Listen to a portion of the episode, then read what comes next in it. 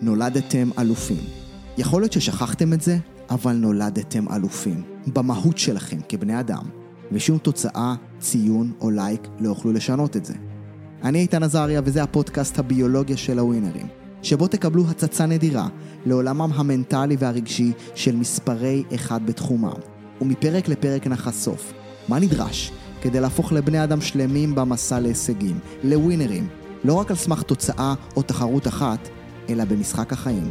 אלופים מעצם היותכם, בדיוק כפי שנולדתם.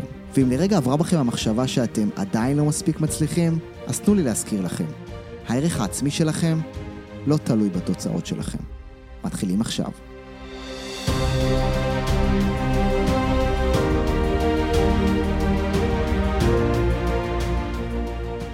להיות הורה זה לא משחק ילדים. הפרק הזה מוקדש לכם ההורים, ובפרק הזה אנחנו הולכים לצאת לסדרת פרקים מאוד מאוד מיוחדת להורים של ילדים. אז אני סופר מתרגש, למה? כי אנחנו יכולים לעשות כל כך הרבה וקיבלנו כל כך הרבה שאלות מכם, הורים של ספורטאים, בכלל, הורים של ילדים מתבגרים שנאבקים במסע הזה של הילד שלהם לעבר ההצלחה, הישגים, רעיונות. אז הפרק הזה נקרא להיות הורה זה לא משחק ילדים, עשרת הדיברות להורים של אלופים. איתי עומר, דוודה, מה העניינים? הכל בסדר? מעולה. שוב אספת לנו את השאלות מכל ההורים בעולם. תשמע, אני מבין שאני מתחיל להתמחות פה בכל הסיפור הזה, אני מתמחה באיסוף שאלות. אבל אה, כן, כן, תשמע, נושא מרתק, מדהים. טוב, אנחנו יושבים פה עם מלא דפים, הלפטופ פתוח, יש לנו כל כך הרבה דברים, אבל כל כך הרבה דברים שאפילו עוד לא נכתבו, שאולי אה, יעלו, והבנו שפרק אחד לא יספיק. לכן אנחנו הולכים לצאת לסדרת פרקים קצרה, אה, וכל פרק ייגע בנושא ספציפי, כי... איך לומר, להיות הורה, אמרנו בהתחלה, לא רק שזה לא משחק ילדים, זה אולי הג'וב הכי קשה בעולם. כן, אני חי את זה היום על בנותיי הקטנות ו- ומרגיש את הדבר הזה, אני רק יכול לחשוב שלהיות הורה של ילד, כן, זה, זה כבר חתיכת אתגר, אז להיות הורה של ספורטאי זה אחת כמה וכמה. וכולנו יודעים היום שהאווירה ששוררת בבית מטביעה את החותם שלה על האישיות של הילד. כולנו גם מודעים, כן, לקשר הישיר שיש בין האופי של ההורים לבין ההתנהגות של הילד. בין מי אתה כהורה ישתקף מהר מאוד אצל הילד במגרש, במשחק, בתגובה שלו להצלחות, בהתנהגות שלו אחרי משברים, ואנחנו הולכים פשוט לראות איך אנחנו יכולים לתת מכל המידע, מהמחקרים, מתוך הניסיון שחווינו עם ספורטאים בעיקר, וכשפונים אליי כל כך הרבה כדורגלנים צעירים, ספורטאים, כדורסלנים, על הקשר עם ההורים שלהם, אני באיזשהו מקום נצבט, כי, כי הם, הם לא יודעים מה לעשות, ואנחנו גם נמסגר לרגע את המקום הזה, ונבוא ונגיד, אנחנו לא באים פה להטיף שום דבר, להפך. רק לבוא ולהגיד שאם אתם הורים של ספורטאים, אתם כבר אלופים, כי יש לכם את התפקיד הכי מטורף בעולם, וזה די ברור גם למה, כן? ברור, ברור, אתה יודע, זה, זה בדיוק המון שאלות שעלו שם, זה מה, זה, מה הכוונה בלהיות הורה לספורטאי? מה זה להיות לא הורה אלוף? לא לימדו אותנו להיות לא- הורים, כאילו, תתן לנו את ה... בדיוק, אוקיי. מישהו לימד אותנו להיות הורים לספורטאים, כאילו, אתה יודע, זה בא, כאילו, אוקיי, הילד מגיע, מתאמן, מלמדים אותו איך להיות ספורטאי, אבל יש פה צד שלם של הבית, גמרי. שאנחנו לא יודעים, הוא, הוא נורא, בוא נקרא לו, הוא אפל קצת אפילו. לא, לא רק זה, גם ההורה משקיע את כל כולו, הוא נותן את כל כולו, הוא משקיע כסף, זמן, אנרגיה, קם בבוקר, לא ישן בלילה, קם להכין סנדוויצ'ים, לא, יושן, והקטע הכי קשה להורה, זה שבמאני טיים במשחק אין לו שליטה. זאת אומרת, כשהילד שלו על המגרש, שזה מה שנקרא רגעי ההכרעה של הילד, אז להורה אין את היכולת להשתלט, להגיב, להשפיע, אז לפעמים הרבה מהם עושים את כל הטעויות האפשריות, ועל זה גם נדבר, אבל יש לך, אתה רוצה להגיד משהו? תגיד. כן, כי אתה, אתה, אתה יודע, פתאום כשאתה אומר את זה, אני קופץ לי משהו. תגיד, הורה ומאמן, זה נראה שיש המון קווי דמיון, כי, כי ברגע שהילד על המגרש, והוא מגיע לביצוע, והוא שם, גם המאמן לא באמת יכול לעזור לו, כאילו, המקום של הורה ושל מאמן, הם, הם, הם קצת מזכירים אחד את השני. אז קודם כל יש המון קווי דמיון, בגלל שאנחנו, מה שנקרא, נותנים את uh, משנתנו ואת הברכה ואת המתנה הזאת היום רק להורים, אז אנחנו כל כולנו מוקדשים עבורם. אז הורים יקרים, אנחנו אוהבים אתכם, עושים את זה ממקום של כל כך הרבה שאלות שקיבלתי ואיבדנו אותם כאן ביחד. ומה שנעשה כאן בסדרת הפרקים הקרובה, זה אנחנו נחלק את הפרקים לפרק אחד, שקודם כל אנחנו קוראים לו ההורה מול עצמו. הפרק השני יהיה ההורה מול הילד, הפרק השלישי יהיה מה שנקרא ההורה מול העולם, מול המאמן, מול הקבוצה, מול האנשים, מול החברים, מול האמרות, ולא חסר דברים, ואנחנו עושים את זה כדי לאפשר לכם איזושהי הבנה, ואז לפני משחק תוכלו להיכנס לפרק של הלפני משחק. אה, כשקצת קשה ואתם לא יודעים בדיוק איך לכוון את הילד, תוכלו ללכת למקום של ההורה מול עצמו. אוקיי, בכלל, ובהתמודדויות ובעימותים ובאתגרים עם כל העולם, שזה מאמן קבוצות, מה לעשות, לא לעשות, תלכו לפרק של ההורה מול העולם. אנחנו קוראים לזה ככה. לגמרי, אוקיי? וזה, וזה ההורה מול העולם. וזה ההורה מול העולם. טוב, אז נראה שעשינו פתיח גדול, אבל בואו ניתן פתיח קטן ונתחיל. יאללה, קדימה. טוב. אוקיי.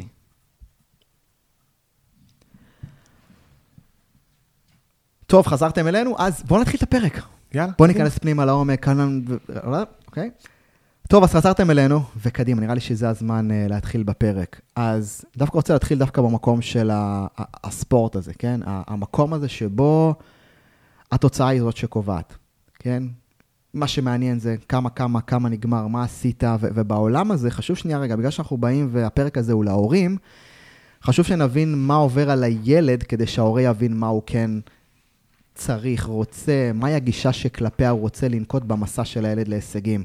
חשוב שנבין שבעולם האובססיבי שבו אנחנו נמצאים היום, שרק השורה התחתונה נחשבת, ורק כמה לייקים יש לך נחשב, אז הספורטאים הצעירים שלנו, הילדים האלה, הם לומדים להאמין שהערך שלהם כבני אדם נקבע רק לפי התוצאה. ואז הם באים הביתה לפי התוצאה, כן? יש משפט שאומר, you're good as your last game, אתה טוב לפי המשחק האחרון, ואז מה? מנצחים, אלופים, מפסידים, אפסים, אין באמצע. והם באים עם זה הביתה. ואולי אולי, אולי מוכר לכם ההורים, כאילו המקום הזה שהילד בא בטירוף ושמח ובדאון כשהוא מפסיד. עכשיו, כשהשווי של הילדים שלנו נמדד לפי התוצאות, או כשהערך העצמי שלהם אה, פתאום עולה כשהם מנצחים, מפס... אה, יורד כשהם מפסידים, קורה... החלק הזה הוא כל כך מסוכן, ואז קורה דבר הכי גרוע שיכול להיות וקריטי, מהותי, לחיים שלהם. זה... במקום שהספורט שהם כל כך אוהבים יהפוך להיות דבר שבונה עבורם, הופך להיות דבר ששובר, ואפילו את הזהות ואת האישיות שלהם. והיום, תסכים איתי, ובטח אנחנו רואים את זה יותר ויותר, אולי אפילו יותר מאי פעם, אנחנו רואים ספורטאים שפורשים מהמשחק. הם, כי הם לא, הם קוראים תחת העומס, תחת הלחץ הנפשי, נכנסים לחרדות, מתחים, אפילו פורשים מהמשחק שהם כל כך אוהבים. אני... תקשיב, אתה, אתה נוגע פה בהמון נקודות שהן מאוד קריטיות, כי זה גם קשור המון לת, ל, להתפתחות הקוגניטיבית של הילדים. אתה יודע, יש איזה שהם תהליכים שהילדים עוברים בדיוק בגילאים האלה, שהפרישה יכולה להגיע אה, בין אם זה מהספורט, או בין אם זה מהחברה, או בין אם זה מהסביבה, ואנחנו כהורים, יש לנו תפקיד מאוד גדול ב, בלהכיל את זה, בלהבין בכלל מה קורה כאן, כי, כי בוא, אם אני לא קשוב לילד שלי, או אם אני לא מרגיש אותו, אנחנו יכולים פה ללכת לאיבוד. עכשיו, נגעת ודיברת על ההשפעה של המשחק הביתה, ואני אומר, הרי אנחנו יודעים שילדים מחקים את ההורים שלהם, הם מחקים מאמנים. השאלה אם אני כהורה מביא את העבודה הביתה וזה משפיע על הבית, אולי בכלל, כאילו, אני כהורה פוגע בכלל בילד, ואז הוא מביא את המשחק הביתה. אני מראה לו את הקשר הישיר בין ה, אה, לפתח את הזהות האישית תלוית תוצאה, ואני מעביר את זה הלאה לילד שלי, ופה אני חושב שכאן אני, אני, אני אבוא ואני אציף את השאלה הראשונה, איך עושים את זה, איתן? איך כאילו אתה בא ואתה עוזר לילדים לפתח את הזהות הזו? איך אתה עוזר קודם כל להורים? אני אומר, אנחנו בפרק שהוא ההורה מול עצמו, איך ההורה יכול להבין שאני mm-hmm. כן יכול להבדיל רגע, השורה התחתונה היא לא זו שקובעת. אז בואו נתחיל, כי באמת החלק הראשון הזה, לפחות בסדרת הפרקים, מוקדשת להורה, להורה מול עצמו. כרגע אנחנו עסוקים כל כולנו בכם. אומר לצערי, כספורטאי מקצועני, אני זוכר שחיים שאני, חי, חיים, שנים חייתי בחרדות. תראה, מרוב שזה חרדות, כאילו, לא יוצא לי המשפט. רודף אותך, רודף אותך. רודף אותי החרדות. עכשיו, הקטע הוא שכאילו כולם קראו לזה חינוך למצוינות, כן? כאילו, אתה חייב לנצח, אתה חייב להיות טוב, ובעצם מה שקרה זה הפכתי להיות, אתה יודע, עבד של תוצאה. ו- ו- ו- ובאיזשהו שלב כבר לא נהניתי מהמשחק, והדבר הזה שאתה כל כך אוהב הופך להיות נטל, ואז אתה, אתה כבר לא יודע בעצם, כאילו, אחד, מי אתה, שתיים, האם בעצם זה drive שלי מאשר לעצמי, או זה דרייב שאני רוצה לרצות, ועלו כמה שאלות כאלה במקום. אז באמת אולי החלק הראשון בהורה מול עצמו, ומה שהיינו רוצים לעשות כאן זה בעצם לדבר על עשרת הדיברות. זה בעצם קו המחשבה, או עשר קווי מחשבה נקרא לה, שמפרידים בין הורים של אלופים. עכשיו, מה זה הורים של אלופים? זה לא הורים שה, שהילדים שלהם נהיים uh, כוכבים בביירן, לא. זה הורים שמגדלים את הילדים שלהם באופן כזה, לא שאם הם ניצחו הם אלופים מפסידים הם לוזרים, לא, כי, כי, כי מה קורה? בעצם יש איזשהו מקום שלאורך ה, הדרך, ובכלל היום כ, כמאמן מנטלי, ואני יכול להגיד שהספורטאים או השחקנים הכי טובים שעבדתי איתם, התוצאות הכי טובות קרו כשהפסקתי לשאול את עצמי איך אני מלווה אותם להישגים. הדברים הטובים התחילו לקרות כשהתחלנו לשאול שאלה במה שנקרא בקליניקה, והשאלה הייתה, איך אנחנו בונים זהות מנצחת ללא תלות בתוצאה. אוקיי? זאת אומרת, התחלנו בעצם לחשוב שרגע, אם אנחנו תלויי תוצאה, או אם אנחנו נהיה רק שמחים, או אם כל הדרייב הפנימי שלנו אה, בנוי אך ורק על התוצאה, אז כשאני מנצח באמת אני יכול לחגוג, אבל מה קורה כשאני מפסיד? מצד שני, אם אנחנו מצליחים לבנות את השווי שלנו כספורטאים, באופן כזה שלא ניצחון או הפסד גורם למצב רוח להשתנות, אלא בלי תלות בניצחון או הפסד, אני יודע להיות ממש כאילו רגוע ושלב. עכשיו, אני לא אומר לא להתבאס מהפסדים, אני לא אומר לא לשמוח בהצלחות, אני אומר לא להזדהות איתם. ואני רואה הרבה הורים שהם לא מסוגלים להכיל את ההפסד או הניצחון, וזה משתקף נורא מהר אצל הילד. עכשיו, אני אומר, אחד הדברים שאתה, שאתה אומר כאן הם נורא מדויקים, אבל השאלות שההורים העלו פה גם זה... אחלה, אני עוד נורא רוצה לגדל ילד ש, שיפתח אה, זהות שהיא לא תלויה תוצאה, אבל אני, אני רואה מה קורה לו אחרי שהוא מפסיד. ואני אבוד, אני לא יודע מה לעשות שם, אני, אה, כאילו בוא, זה, זה כאילו, אתה יודע, לפעמים הם, הם נראים כמו השד התזמני אחרי משחק, ואתה, איך, איך, איך. אוקיי, אז בוא ניתן. הדיבר הראשון מדבר על זה שהורים אלופים רואים את גדולתם של הילדים שלהם, השאר רואים את מי שהם היום. תסביר. אוקיי, נחזור לשוב. הורים אלופים רואים את הגדולה של הילד שלהם, השאר רואים את מי שהם היום. באחת השיחות שלי עם אברהם גרנט, אני לא אשכח שהוא דיבר על זה, שאחד הדברים שאפיינו את האופן העבודה שלו עם ספורטאים, בכלל עם כדורגלנים אה, בשנותיו באנגליה וגם בישראל, זה שבא אליו פעם מישהו ואמר לו, תקשיב, השחקן הזה שלך, זה מישהו. אז אברהם אמר לו, לא, זה מישהו היום, אני רואה את מישהו יכול להיות. זה מתחבר מדהים, אני, ואני גם מזמין את מי שלא שמע על הפרק שהקלטת עם, עם אנדי, שהוא מספר על זה שהוא הפסיד בפעמים הראשונות, ומה אבא שלו עשה. Mm. כאילו שהוא בא וישר וחיבק אותו, כאילו, אבא שלו, והוא מדבר עליו, אני מדבר על זה, יש לי צמרמורת, כאילו שהוא לא זכה לראות אותו אה, זוכה בווימבלדון, אבל שהוא חיבק אותו ישר, שהוא, אבא שלו ידע לראות את הגדולה, זה מתחבר לי נורא לעיקרון הזה שבאת ואמרת, כי הוא ראה כבר את הגדולה של אנדי, הוא ידע לבוא ולהכיל אותו ולחבק אותו, וזה ממש אה, נשמע בדברים האלה. ומה רוב ההורים עושים? הם, הם אומרים, אוקיי, הבן שלי נכנס, נולדת, בן יקר, בת יקרה, נהדר, יופי, עכשיו... יש את השמחה הזאת שילד נולד, זה מטורף, אבל פתאום הוא בוחר, בוחר מקצוע, ואיך אומרים, ההורים לא, לפעמים הם אלה שהובילו, לפעמים לא, ופתאום מדד הערך או השווי או הקיום של הבן שלי כבן טוב, או להפך, הקיום שלי כהורה טוב יושתת על זה שהבן שלי יביא תוצאות, או שהוא יהיה מקובל בקבוצה, או שהוא יהיה בהרכב, או שאם הוא לא בהרכב, עכשיו, מה קורה? ההורה לפעמים מגיע למצב שהוא נורא נורא מבואס מזה שהילד לא משחק, לא בגלל הילד. בגלל שמה זה אומר עליי כהורה?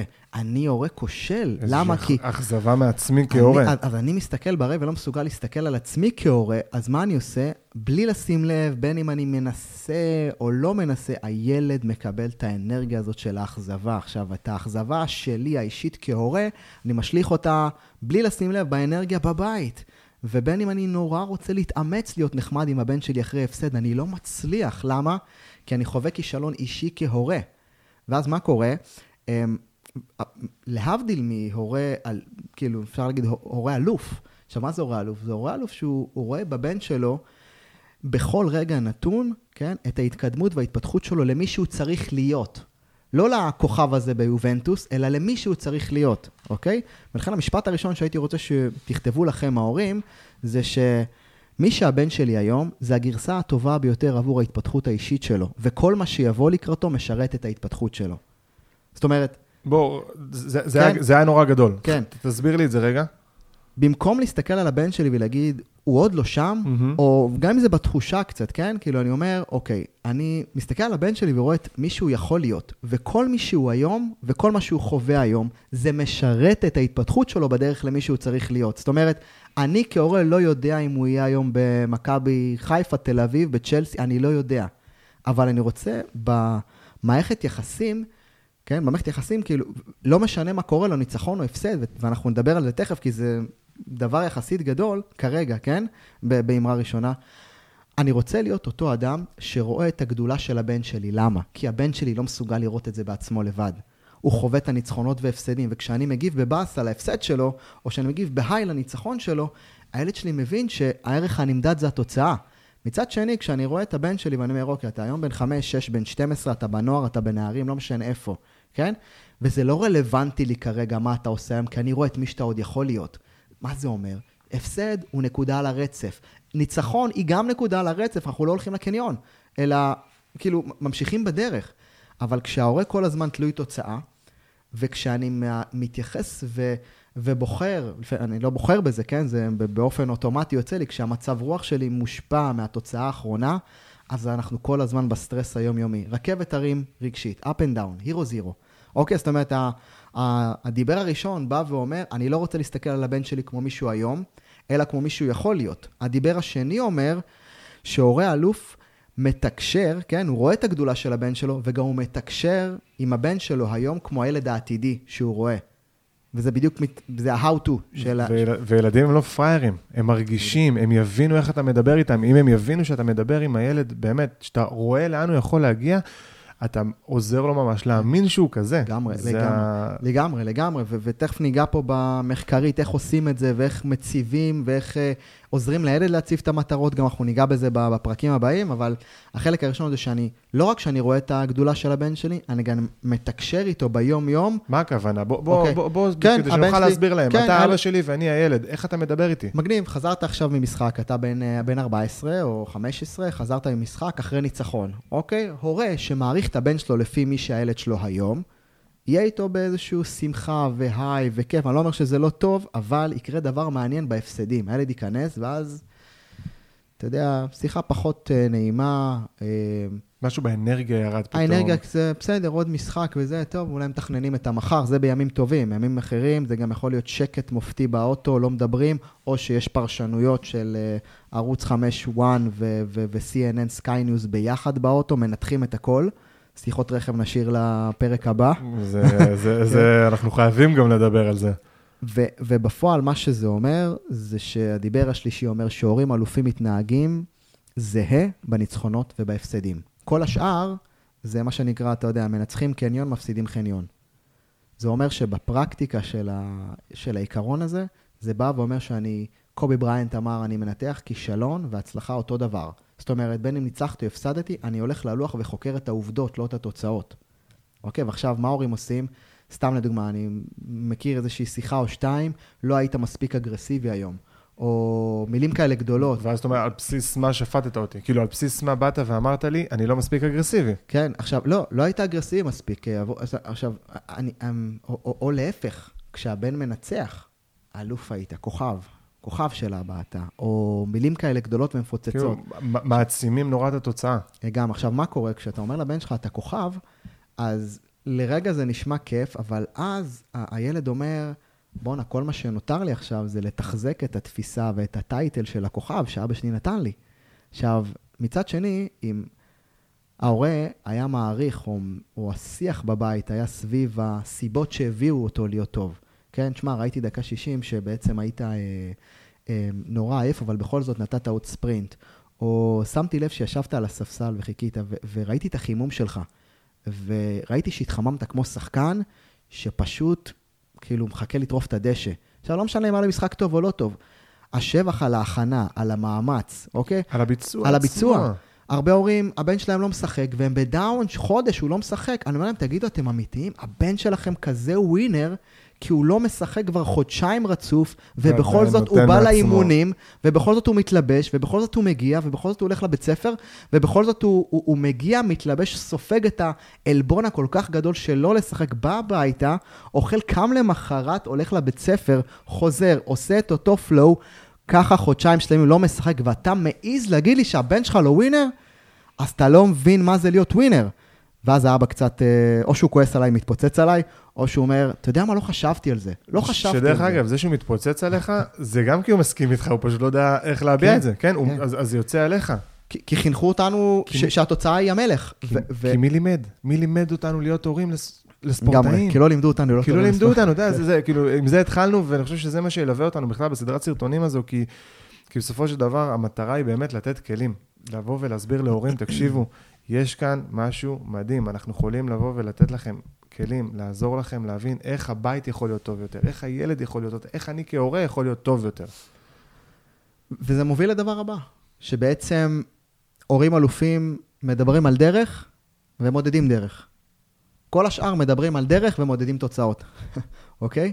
כאילו, רוב ההורים, באמת ההורים שאפשר להגיד שבונים ספורטאים ובני אדם חזקים, כי המטרה היא לא רק לבנות ספורטאי שיעשה מדליה, שיגיע, אלא ספורטאי ש... אתה יודע, ש... ש... ש- שגם בימים קשים, שגם במשברים, ידע לחזור הביתה ולהרגיש ככה שווה, ראוי ובעל ערך, שזה הדבר הכי הכי קשה. זאת אומרת שאם אנחנו רוצים להוריד את זה לקרקע, אנחנו רוצים לבנות את הילדים שלנו בשני מסלולים. שזה מסלול אחד, שזה מסלול מקצועי והישגי, שבה אנחנו רוצים באמת לתת לילד כלים מנטליים, מקצועיים, שיהיה הספורטאי הכי טוב שיכול להיות. בקו מקביל, אנחנו רוצים גם לבנות אותו כבן אדם. חד משמעי. ח- כי כבן חד אדם, כי- משמעי. כי אם לא בנינו אותו כבן אדם, אז הוא מה שנקרא כמו עלה נידף ברוח.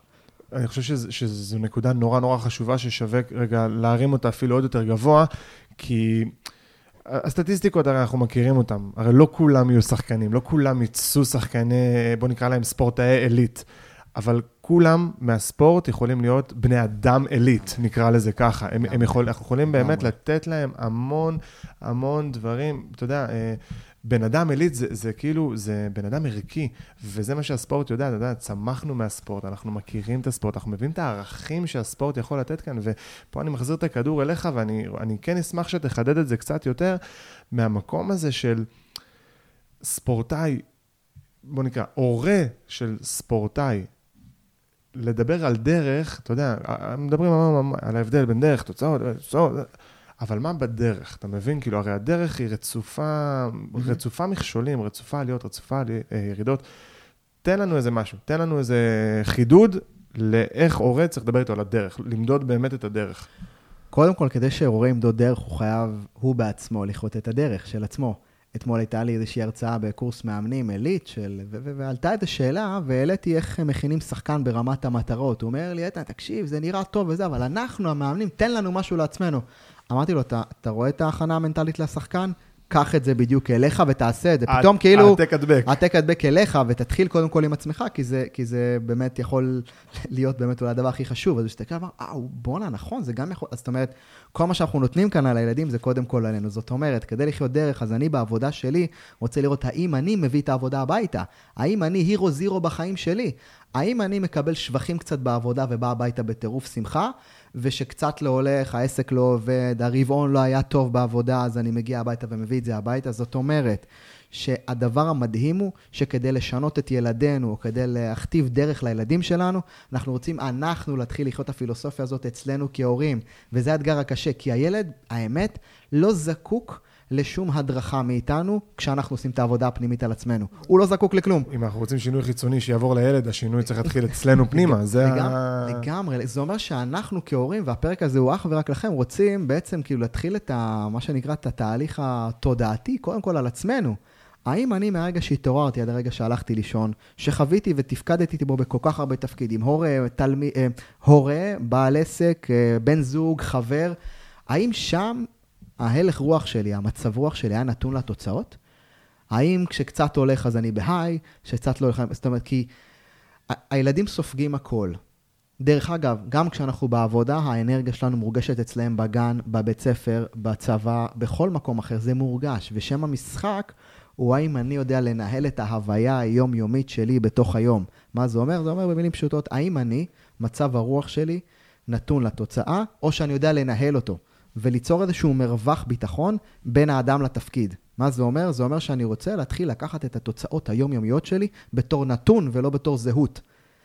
מה זה אומר? נתון זה אומר עובדה שאני יכול לטפל בה ולשנות. זהות זה אומר, זה מי שאני. לא הבאתי כסף, מה... לא הבאתי כסף לבוס עד סוף החודש, זה לא נתון שאני צריך לשפר במספרים, בשיווק, ב... לא. זה אני לא בסדר, ואז אני בא עם זה הביתה, ופתאום הבן שלי חוזר מהבית ספר, או, אה, או, מה, או מהאימון, ואני שואל אותו, מה עשיתם? אז הוא אומר לי, הפסדנו. הבנתי. מה, היה משחק אימון? הוא אומר לי, כן. אה. ואז אתה, אתה לא רואה את הבן שלך, אתה רואה את הבוס שלך בכלל, שכאילו אתה, קופץ לך הזיכרון של הבוס, ואז אתה מגיב לבן שלך כמו איך שהבוס היה מגיב. אתה יודע מה זה ש... מה זה לעבוד קשה ולא להביא תוצאות? כאילו, אתה, משקף לו, אם, הוא היה, ביכולת הקשבה, כן. הוא היה אומר לך, בוא, אתה מוציא עליי את מה שיש לך, הוא היה עושה, כן. התפקידים היו מתהפכים, כן? לגמרי, וזה אולי אחד הכאבים הכי גדולים, כי, כי בעצם הילד חזר מאימון, וכל מה שהוא צריך עכשיו זה אבא, הוא לא צריך עוד פרשן, ואנחנו עושים את זה, ולכן הדיבר הזה בא ואומר שהורה אלוף מנתח אה, משחק או תוצאות כנתון, לא בתור זהות. זה אומר שאנחנו רוצים להתחיל להתייחס לילדים שלנו מהמקום, והדיבר הבא יורדים לפרקטיקה, ואנחנו רוצים, מה אנחנו בעצם עושים פה? אנחנו רוצים להתחיל להפריד, כן, את ה... איך נקרא לזה בשפה הכי פשוטה, את התוצאות מהביצועים. אנחנו רוצים להפריד או ליצור איזשהו מרווח ביטחון בין האדם, שזה הבן שלי, לבין התפקיד שהוא עושה היום. כרגע הוא ספורטאי, אני לא יודע מה הוא יהיה מחר. אבל אם כל הזמן נותן לו בראש רק על התוצאות שלו בתפקיד, אז הילד לעולם לא ידע איך להשתפר. בדיוק, וזה מחזיר אותנו למה אני יכול לעשות, בדיוק. מה אני יכול לעזור לו כבן אדם. לגמרי. הכלים שאני יכול לתת לו כבן אדם. לגמרי. אז קודם כל, אם ניקח טיפה ברמה הכי פרקטית, אנחנו רוצים לעזור לילדים שלנו, אם עכשיו אנחנו מדברים כאילו כהורים, וניגע בזה בחלק הבא, זה קודם כל למדוד um, ביצוע, מאמץ, יגיעה, ולתת על זה את השבח, ותכף נבין למה מחקרית כדאי לנו לעשות את זה, ולא למדוד או להעריך את התוצאה. אנחנו כן שמחים שהתוצאה מגיעה, בואו רגע שלא נתבלבל ונחשוב שאנחנו... כן שמחים שהיא הגיעה, כן שמחים שקיבלת מה שנקרא reward ותגמול על, ה, על, על הדרך, כי, כי זה כיף, זה נורא, אה, נורא משמח. אבל בספר כוחה של נחישות, קארל דואק, אה, היא סיפרה, כן, על מחקר שנתנו לשתי קבוצות אה, לסיים פאזל, שמעת על המחקר הזה? ברור, ברור. קבוצה הראשונה נתנו, סיימה את הפאזל, נתנו נכון. לה שבח על התוצאה, הקבוצה השנייה נתנו לה, סיימה את הפאזל, נתנו לה שבח על המאמץ והיגיעה. מה קרה כאן? שתי קבוצות סיימו את המשימה בהצלחה, זאת אומרת, התוצאה הושגה, אבל קבוצה אחת קיבלה שבח על התוצאה, אמרו להם איזה אלופים, סיימתם תותחים, על, פה, טה, טה, טה, טה. קבוצה שנייה, אמרו להם... על הביצוע על בעצם. הביצוע. ראינו שהשקעתם, עבדתם, יגעתם, מה שנקרא, התאמצתם, ונתנו להם שבח על כל הדרך, על, הת- על, ה- על, ה- על, ה- על כל מה שקרה ב- ב- ביגיעה, בדרך לתוצאה. ושנייה אחרי שאלו את שתי הקבוצות, תגידו, יש פאזל קצת יותר קשה, כאילו אתגר בדיוק, קשה. העלו את הרמה. העלו את רמת, הר... את רמת הקושי ושאלו, מי רוצה? כאילו, מי, מי רוצה פאזל יותר קשה? והקבוצה שקיבלה שבח על התוצאה... על התוצאה אמרו, חבר'ה, ניצחנו, עשינו תוצאה, זהו, הספיק לנו, אנחנו בסדר. אז התשובה היא אכן, כן, רובם אמרו לא. ולעומת זאת, הקבוצה שקיבלה שבח על המאמץ, היו מוכנים והדרך, לעמוד באתגר החדש. למה הם היו מוכנים לעמוד? ואמרו, כן, תביא. זאת אומרת, רוב, ה, רוב, ה, רוב הילדים אמרו, תביא לנו עוד פאזל קצת יותר קשה. מה קרה פה? קבוצה שקיבלה שבח על התוצאה, מרוב שהיא לא רצתה לאבד אותה, התחילה מנטלית לשחק כדי לא להפסיד.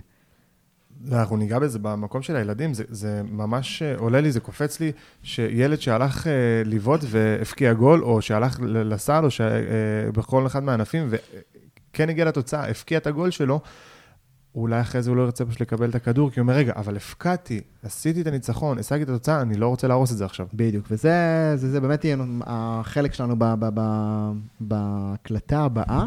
ו- וללא ספק השבח על התוצאה גורם לאנשים באיזשהו מקום, לא לכולם, כן, אבל לרובם, צריך לראות גם כל אחד הוא אינדיבידואל, להגיד, אוקיי, כבר יש לי את ההישג, עכשיו בוא נשמור עליו, בוא לא נדפוק אותו, בוא לא נפשל. ואז אני אה, מונע מעצמי להיכנס לאתגרים ולמהלכים יצירתיים נוספים, כי אני רוצה לשמור על מה שיש. זה בדיוק אותו שחקן שאחרי ניצחון אומר לעצמו, טוב, כבר נתתי צמד, בוא נשמור על זה. וזה יוצא שזה בדיוק אותו הורה שהבן שלו נכנס להרכב אחרי תקופה, עושה משחק טוב, עושה שני משחקים, לקראת המשחק השלישי כבר אבא מתחיל כאילו... תשמע, אתה יודע שאתה כבר שני משחקים, אתה יודע, בהרכב, אתה יודע, אתה חייב לשמור על המקום, זה לא, לא צחוק. ראית, ראית איך איבדת את המקום בהרכב לפני חודשיים? בלי כוונה, הוא, יצ... ו- הוא ו- עשה אצל הילד. איזושהי, איזושהי, אתה יודע, איזושהי תגובה נורא חזקה ללחץ, לרגע, בוא, עכשיו אני נמצא במקום שאני לא יכול לאבד אותו. כאילו, לגמרי, אני... לגמרי. והפחד לאבד יגרום לביצוע לדעוך, ובסופו של דבר יש סיכוי גם שהוא יטעה. אתה יודע מה, ונגיד שהוא עושה גם משחק טוב, הוא לא ייהנה מהמשחק, המשחק יהפוך להיות סבל ולא הנאה, לעומת הורה שבעצם משבח את הבן על המאמץ, כל הזמן מציף את הדרך, כל הזמן אומר לו, תשמע, אני מבין שאתה כבר, אה, תראה איזה דרך עשית, לא שיחקת חודשיים. נכנסת למשחק, עכשיו אני אגיד לך את האמת, כיף לי שאתה בהרכב. אבל אתה יודע מה הכי כיף לי? החודשיים האלה שהייתי איתך רצוף, וראיתי אותך הולך כל, כאילו, אתה, אתה מעצים את הרגעים הכי שפלים במרכאות, כן, וקשים של הילד, והופך אותם לסיבות האמיתיות להצלחה, ואז הילד אומר, אם אבא שלי מעריך אותי על חודשיים של ישיבה בספסל, שלא ראיתי דשא, שאף אחד לא התייחס אליי, שלא בכלל דיברו איתי ולא הייתי אופציה בכלל להרכב, אם על זה אבא שלי מעריך אותי, בואנה, אז עכשיו שאני בהרכב, אני ווינר, אין צ'אנס שאפשר לקחת לי בכלל את המקום. למה?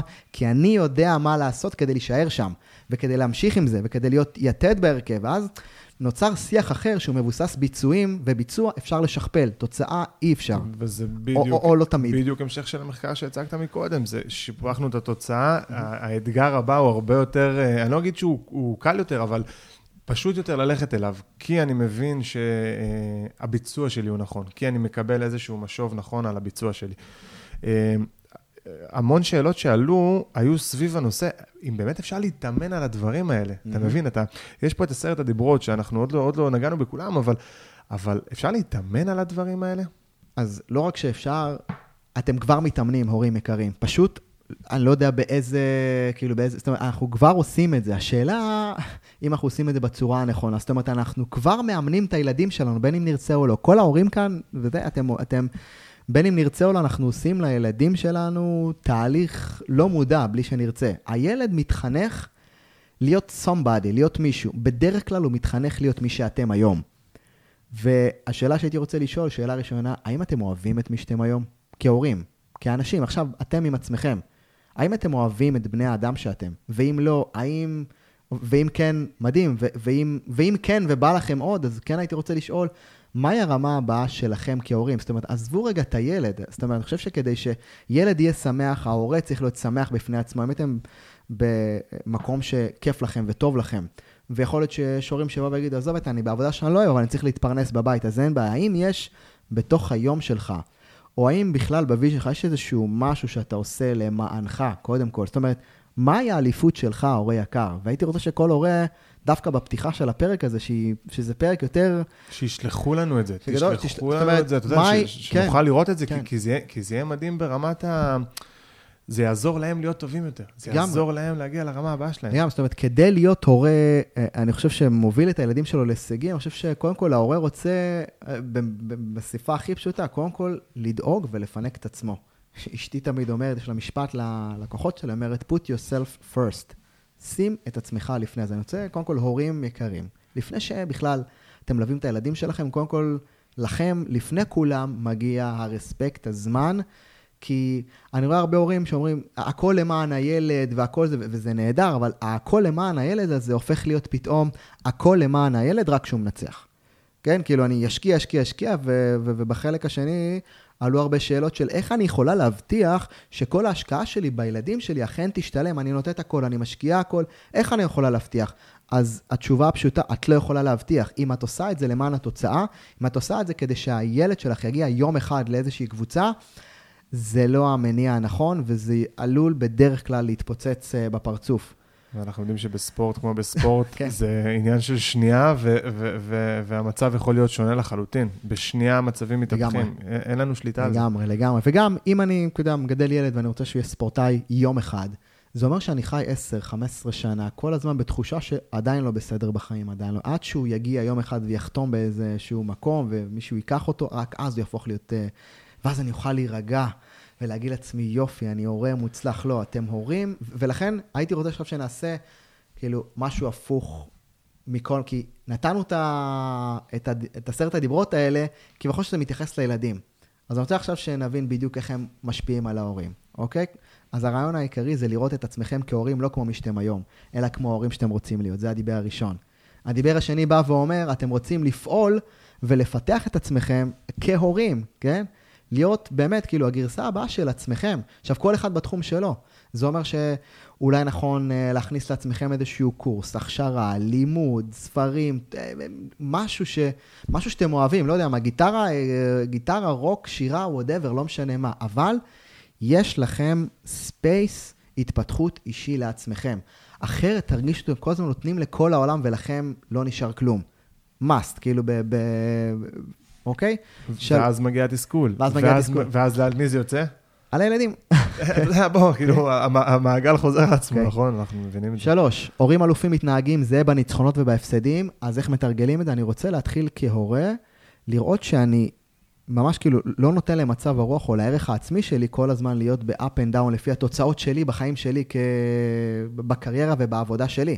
ועוד איך אני מתחיל לנהל את זה ולחיות מנקודת מבט קצת יותר בריאה, שבאה ואומרת שאני כאדם, אם נתתי את כל כולי בעבודה, וכל אחד יכול לתת את מה שהוא יכול לתת, אוקיי? אם נתתי את כל כולי, אני יכול לחזור הביתה אחרי יום גרוע, וזה בסדר גמור לא להביא את זה הביתה, כי הייתי מי שאני יכול להיות הכי טוב ב...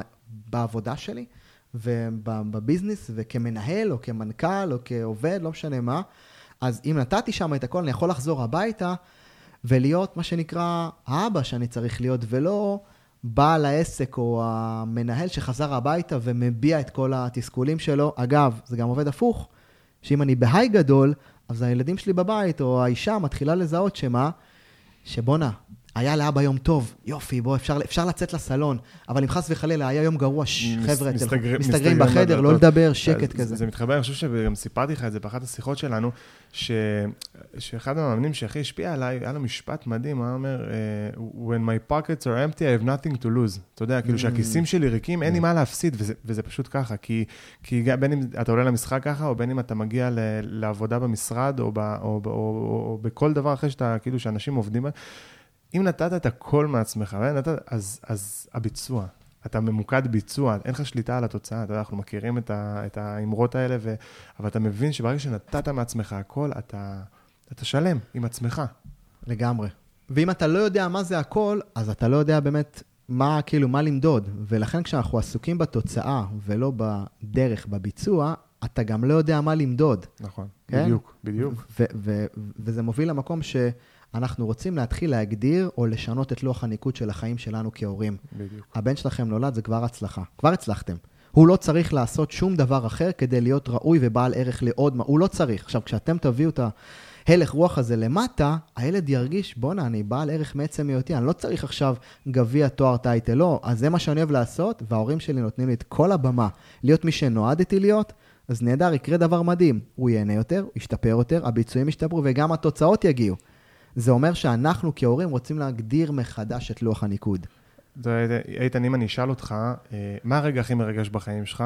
לאן אתה הולך? ישר, לידת הבנות שלי. הלידה, נכון? נכון. וכמעט כל הורה, כן. אתה יודע, אני לא רוצה להכליל, אבל בוא כן, נגיד כן, פה, כל הורה יגיד, כאילו, הרגע שהילדים שלי נולדו, אתה יודע, אני, יש לי, התברכתי, זכיתי, יש לי שני ילדים, הלידות שלהם זה וואו, כאילו, זה הרגע הכי מרגש בחיים. וככל שעובר הזמן, אנחנו כאילו, משהו בדרך הזה עבד, אה, אתה, אתה, אתה מבין על מה אני מדבר? כאילו, קורה משהו, כאילו, נכון, אבל הרגע המרגש הזה של, של הם נולדו, איזה כן. וואו, איזה, זה האליפות. ולאט לאט, האליפות הזאת, אתה יודע, כשאתה עושה אליפות, אז אתה יודע, רוצים עוד אליפות. אתה, זאת אומרת, סף הרגש הופך להיות רגש שמונע מתוך, תשיג משהו, תראה לי משהו. או שיעשו עוד ילדים. או שיעשו עוד ילדים. או שיעשו עוד ילדים. בדיוק, אבל אפשר, כן? זה גם אופציה. אני מכיר כאלה שעושים גם את זה. העניין הוא שבאמת אה, אנחנו רוצים לחזור בעצם למהות שבה הילדים שלנו נולדו אלופים מעצם היותם. הם נולדו אלופים, כאילו, אין, אין, הם נולדו, לא היה בהם שום פגם, שום רבע, והם as is, שלמים, מלאים, בדיוק, ואז לאט לאט הם גדלים, והעולם מתחיל לחנך אותם שזה נחמד שנולדתם, אבל בואו תוכיחו לנו שאתם, שאתם ראויים. אז הילדים מתחילים להימדד על מבחנים, על תוצאות. הם מסיימים בית ספר, מודדים אותם על uh, לייקים, תגובות ו- וכמה שרים קיבלתי לפוסט שלי. ואז הם לאט לאט ממשיכים, בין אם זה תנועות צופים, בין אם זה um, צבא בהמשך, כאילו לאט לאט העולם ממשיך ומשפר את יכולת המדידה שלו. של התוצאות של שלו. התוצאות שלו. ואז מה קורה? אני לא בן אדם, אני לא ילד ששואף למקסם את עצמו כבן אדם, אני לא שואף למקסימום הפוטנציאל האנושי שלי, אני כל כולי שואף לדבר אחד, וזה מה? לתוצאה, שהתוצאה הזאת תגדיר מי אני כבן אדם.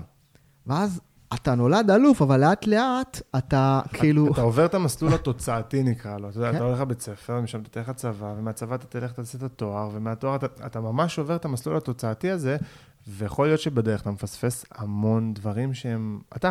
לגמרי. איך- יש את הסרט הזה של אה, ברד פיט, שהוא נולד אה, זקן אה, ולאט לאט נהיה צעיר? סיפורו המופלא של- המופלא של בנג'מין באטן. של בנג'מין באטן. מדהים. והוא, והוא נולד... אה, הפוך. הוא נולד הפוך. הוא נולד קודם כל זקן, ואז הוא מת תינוק. עכשיו, אנחנו נולדים אלופים, ולאט לאט החיים מורידים אותנו מהפודיום של החיים. בוא, בוא תרד, בוא. תוכיח לי שאתה שווה, ואז תעלה. אוקיי, למה? כי הפודיום הנמדד במאה ה-21 זה פודיום התוצאה. אוקיי? אנחנו רוצים לתת לילדים שלנו את ההבנה שהפודיום האמיתי זה היותך האדם בעל ערך שאתה as is מרגע שנולדת עד לרגע שתסיים את תפקידך פה בעולם, אתה על הפודיום במקום הראשון. עכשיו, אני לא אומר את זה כדי באיזה, אתה יודע, lifestyle quotes ולא יודע מה, ו new media או new age ולא, זה לא שם. במהות שלו בתור בן אדם, הוא לא יכול להשתנות. אתה, אתה כאילו, מעצם היותך מי שאתה, כן, אתה משו... וכשאתה משוחרר מכל מה שקורה סביבך, אתה, אתה, אתה נקי ומלא. אז אתה, המתנה שלך, אתה נותן את המתנה שלך לעולם. בדיוק. אז אתה מסוגל לתת את המתנה שלך לעולם. ואנחנו רוצים כהורים לחבר את הילדים האלה ואת הספורטאים כל פעם למי שהם. וככל שנשחרר אותם יותר מהתוצאה, יותר טוב. אנחנו הולכים לדבר על זה מיד בפרק הבא, אבל החלק הראשון זה קודם כל לעצמנו. זה אומר שאנחנו כהורים רוצים, אחד, מטרה שאפתנית עבור עצמנו, כהורים. שתיים, להתחיל למדוד את הדרך בעבודה שלנו, בחיים שלנו, את הדרך שהיא מבוססת על, הת... על הביצוע ולא על התוצאה, אוקיי? ואז כל, ה...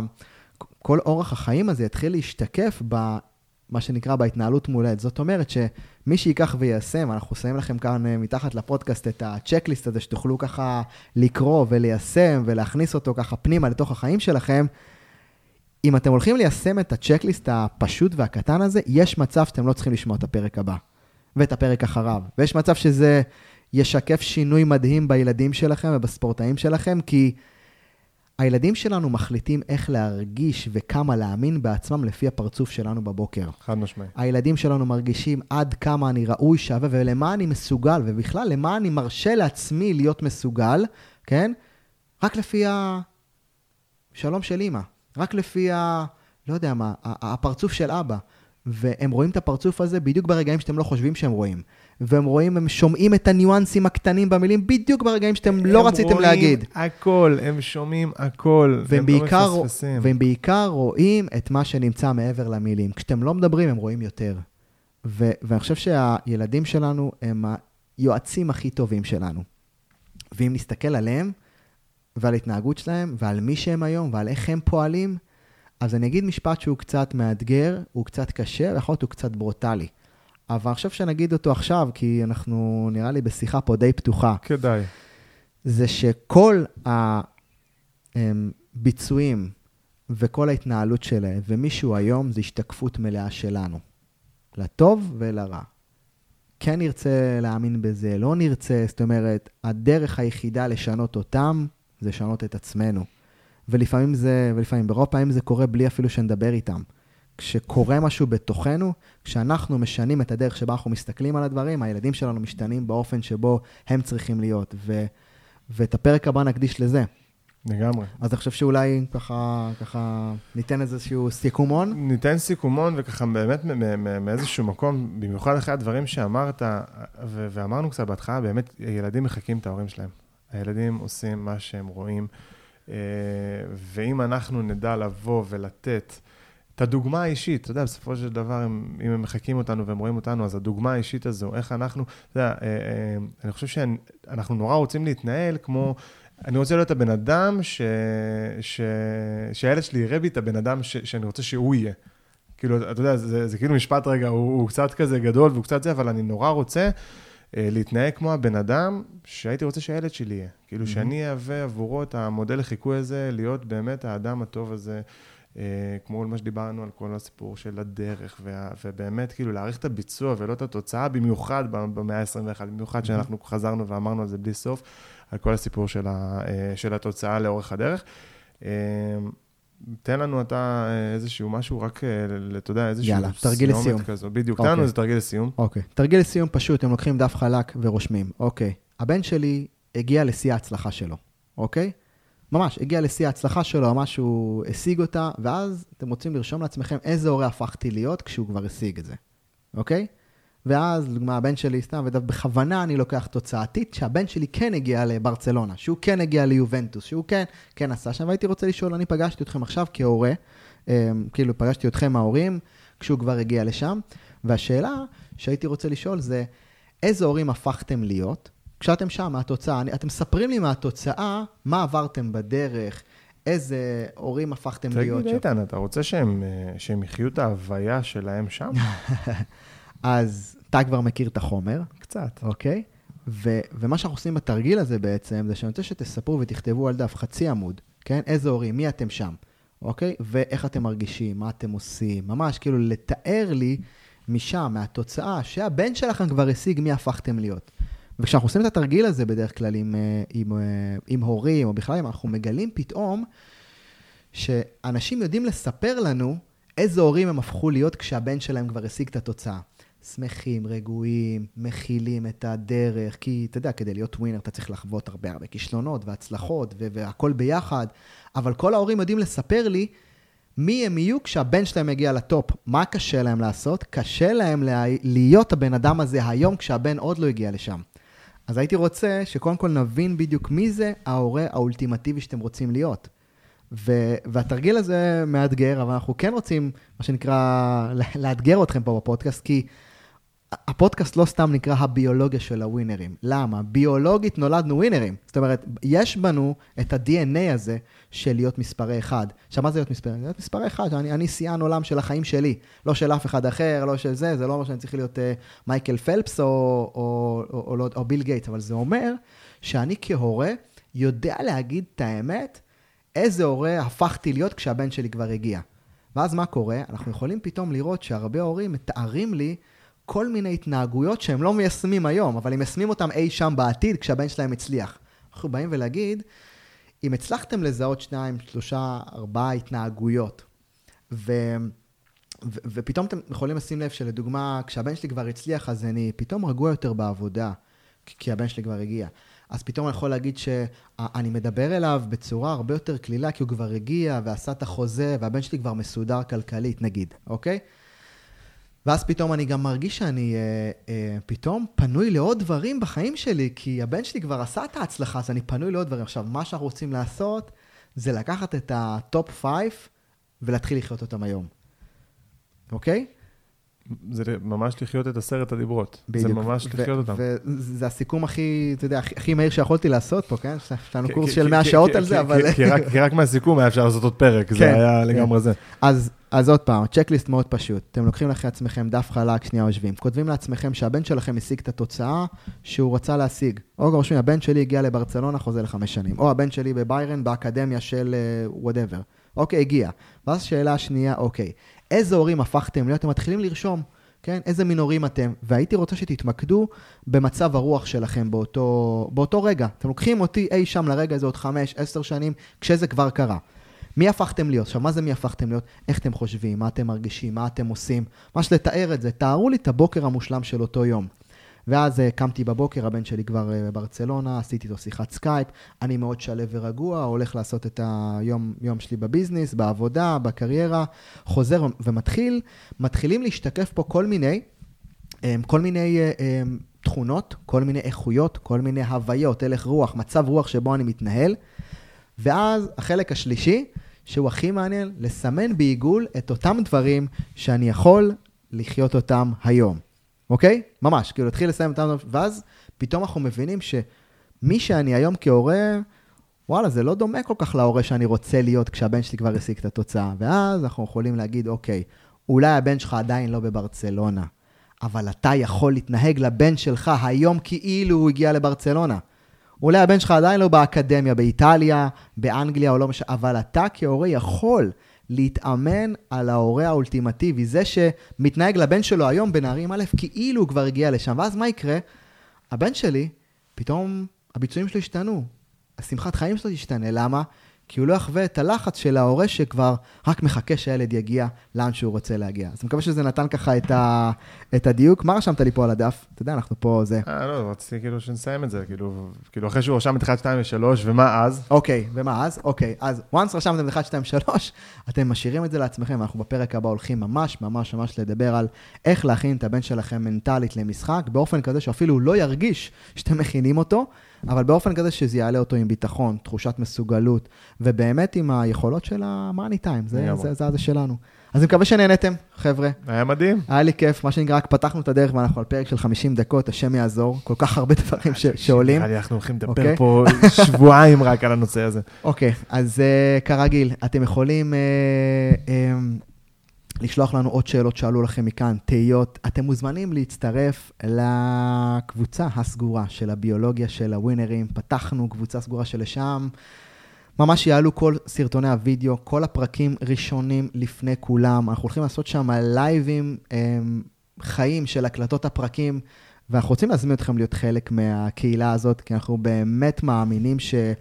um, שצריך להיות מקום ומרחב שבו אפשר לדבר על הכל, על כל האתגרים ועל כל הקשיים והמשברים שאנחנו חווים בדרך להצלחה, בין אם זה כהורה, מנהל, מנכ"ל, בוס, זה לא משנה מי. כל אדם במסע שלו להישגים הוא אותו אדם שנאלץ להתמודד וצריך את הכלים המנטליים. אז אנחנו ככה את 2020 הופכים, לה, הולכים לעשות באמת כשנה שתהיה מאוד מאוד מיוחדת ברמת ה... היכולת להנגיש לכם כמה שיותר מהכלים ומהידע הזה, אז אתם מוזמנים להגיע, כנסו לפייסבוק, חפשו הביולוגיה של הווינרים, אתם תמצאו שם את הקבוצה הסגורה, תבקשו אישור, נראה שאתם נחמדים, נזמין אתכם פנימה, תיכנסו, ו- ומשם נמשיך לעשות את כל החיים שאנחנו אוהבים לעשות כאן. אז uh, עומר, תודה רבה. איתן, היה כיף שוב, איתך. תודה רבה. היה תענוג, ניתן uh, סגיר, ויאללה, נעבור לפרק הבא. תן להם- לכם תן. להם את הסגיר. יאללה, צ'או. חכו שנייה לפני שאתם הולכים. את מדריכי האימון המנטלי החינמים שלי כבר הורדתם? אם עדיין לא עשיתם את זה, אני כבר מספר לכם איך ואיפה. אבל לפני הכל, תודה שהאזנתם לעוד פרק בפודקאסט הביולוגיה של הווינרים. אם אהבתם את הפרק, דרגו אותו באייטונס, שתפו את הפרק עם החברים שלכם, שההצלחה שלהם חשובה לכם. ובכך תפעילו את גלגל הנתינה, שבו מי שנותן יותר לאחר, מקבל יותר מהעולם. אז עכשיו תורי לתת לכם. באתר שלי מחכה לכם עמוד שלם עם מדריכי אימון מנטלי חינמיים מעולים בשבילכם, ביניהם הישג בלתי רגיל, מיני קורס בין ארבעה שיעורי וידאו ואודיו להישגים יומיים בלתי רגילים באמצעות פיתוח הערכה עצמית מנצחת. פרקים מתנה מהספרים שלי, הדרכות לשיפור ביצועים לספורטאים, הורים ומאמנים, וכל זה במתנה ממני אליכם. אז כנסו לאתר שלי בכתובת איתנעזריה.co.il, קו אלכסוני פרי, זה הולך ככה, E e-i-t-a-n a-z-a-r-i-a.co.il, קו אלכסוני פרי, F-R-E-E, ושם תורידו את מדריכי האימון שלכם, ואני כבר שם, מחכה לכם עם כל מה שאתם צריכים לדעת כדי להגיע להישגים ובו זמנית לפתח זהות מנצחת של אלופים. אז היכנסו לאתר שלי בכתובת איתנעזריה.co.il, קו אלכסוני פרי, ואני כבר מחכה לכם שם. עד אז, נתראה בפרק הבא. צ'או.